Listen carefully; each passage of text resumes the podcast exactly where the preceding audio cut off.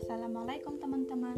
Perkenalkan, saya Sabrina Khairunisa dari program studi kewirausahaan dengan nomor induk mahasiswa 2009839 Ada sedikit perbincangan menarik hari ini. Tepatnya saat saya mengikuti masa bimbingan sebagai mahasiswa baru Universitas Pendidikan Indonesia yakni terkait berwirausaha Pengisi materinya bernama Kabudi Rahman yang sejak hari ini menjadi inspiring mahasiswa bagi saya dan pada kesempatan ini pula, beliau memberi tema menjadi mahasiswa wirausaha. Jujur, yang membuatku tertegun adalah ia berasal dari mahasiswa PAUD, tapi mampu berwirausaha. Yang katanya lagi, kita sebagai mahasiswa kewirausahaan memiliki double effort untuk menjadi wirausahawan muda yang terdidik dan inovatif. Sebelum membahas tentang kewirausahaan, kita perlu menggali titik terendah apa sih mahasiswa, siapa sih mereka, lantas apa bedanya dengan mereka yang berseragam putih abu, putih biru, atau bahkan putih merah.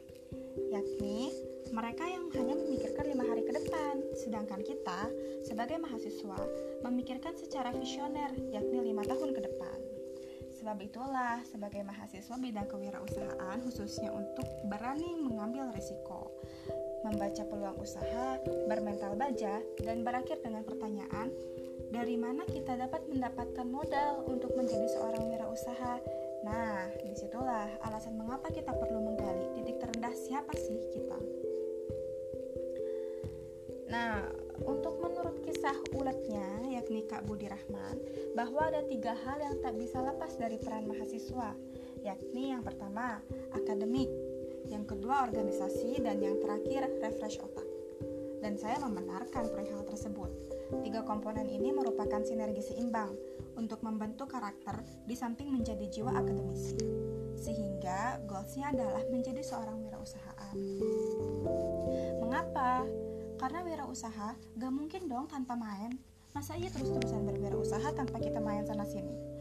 Wirausaha juga gak mungkin dong tanpa organisasi. Bisa-bisa bisnis kita bahkan yang baru saja dirancang udah jatuh duluan karena kita gak paham organisasi. So, let's check out untuk menerapkan ketiga komponen itu dalam diri kita, yakni akademik, organisasi, dan refresh otak.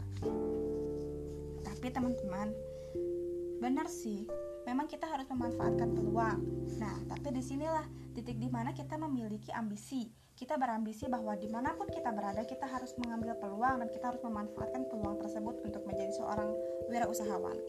Tapi jangan sampai kita berambisi bahwa akan dapat penghasilan dari kuliah berwirausaha, karena hakikatnya kuliah itu bukan tempat kerja teman-teman. Jadi jangan berharap dapat uang dari sana, karena kita itu jadi mahasiswa loh, bukan jadi karyawan. Nah, tapi boleh diingat juga nih, Anda bisa dapat uang saat Anda sedang kuliah atau bahkan setelahnya. Nah, ini menuju ke pemateri terakhir ya. E, pematerian terakhir, yakni ada beberapa kata-kata terakhir sebelum penutupan materi hari ini. Yakni, sekarang itu bukan saatnya kita atau Anda merasa berada di posisi paling benar atau sebaliknya. Hiraukan itu. Jangan pernah merasa bahwa oh ya saya paling benar berada di posisi ini atau oh saya insecure berada di sini enggak jangan sampai seperti itu hiraukan itu dan berbuatlah yang terbaik di posisi di posisi kita apa pun sekarang adanya ya ini ada satu kata-kata terakhir yaitu keterbatasan itu bukan untuk ditakutkan tapi untuk ditaklukkan nah itulah sekian podcast dari saya Sabrina Herunisa pamit undur diri Wabillahi taufiq wa hidayah. Wassalamualaikum warahmatullahi wabarakatuh.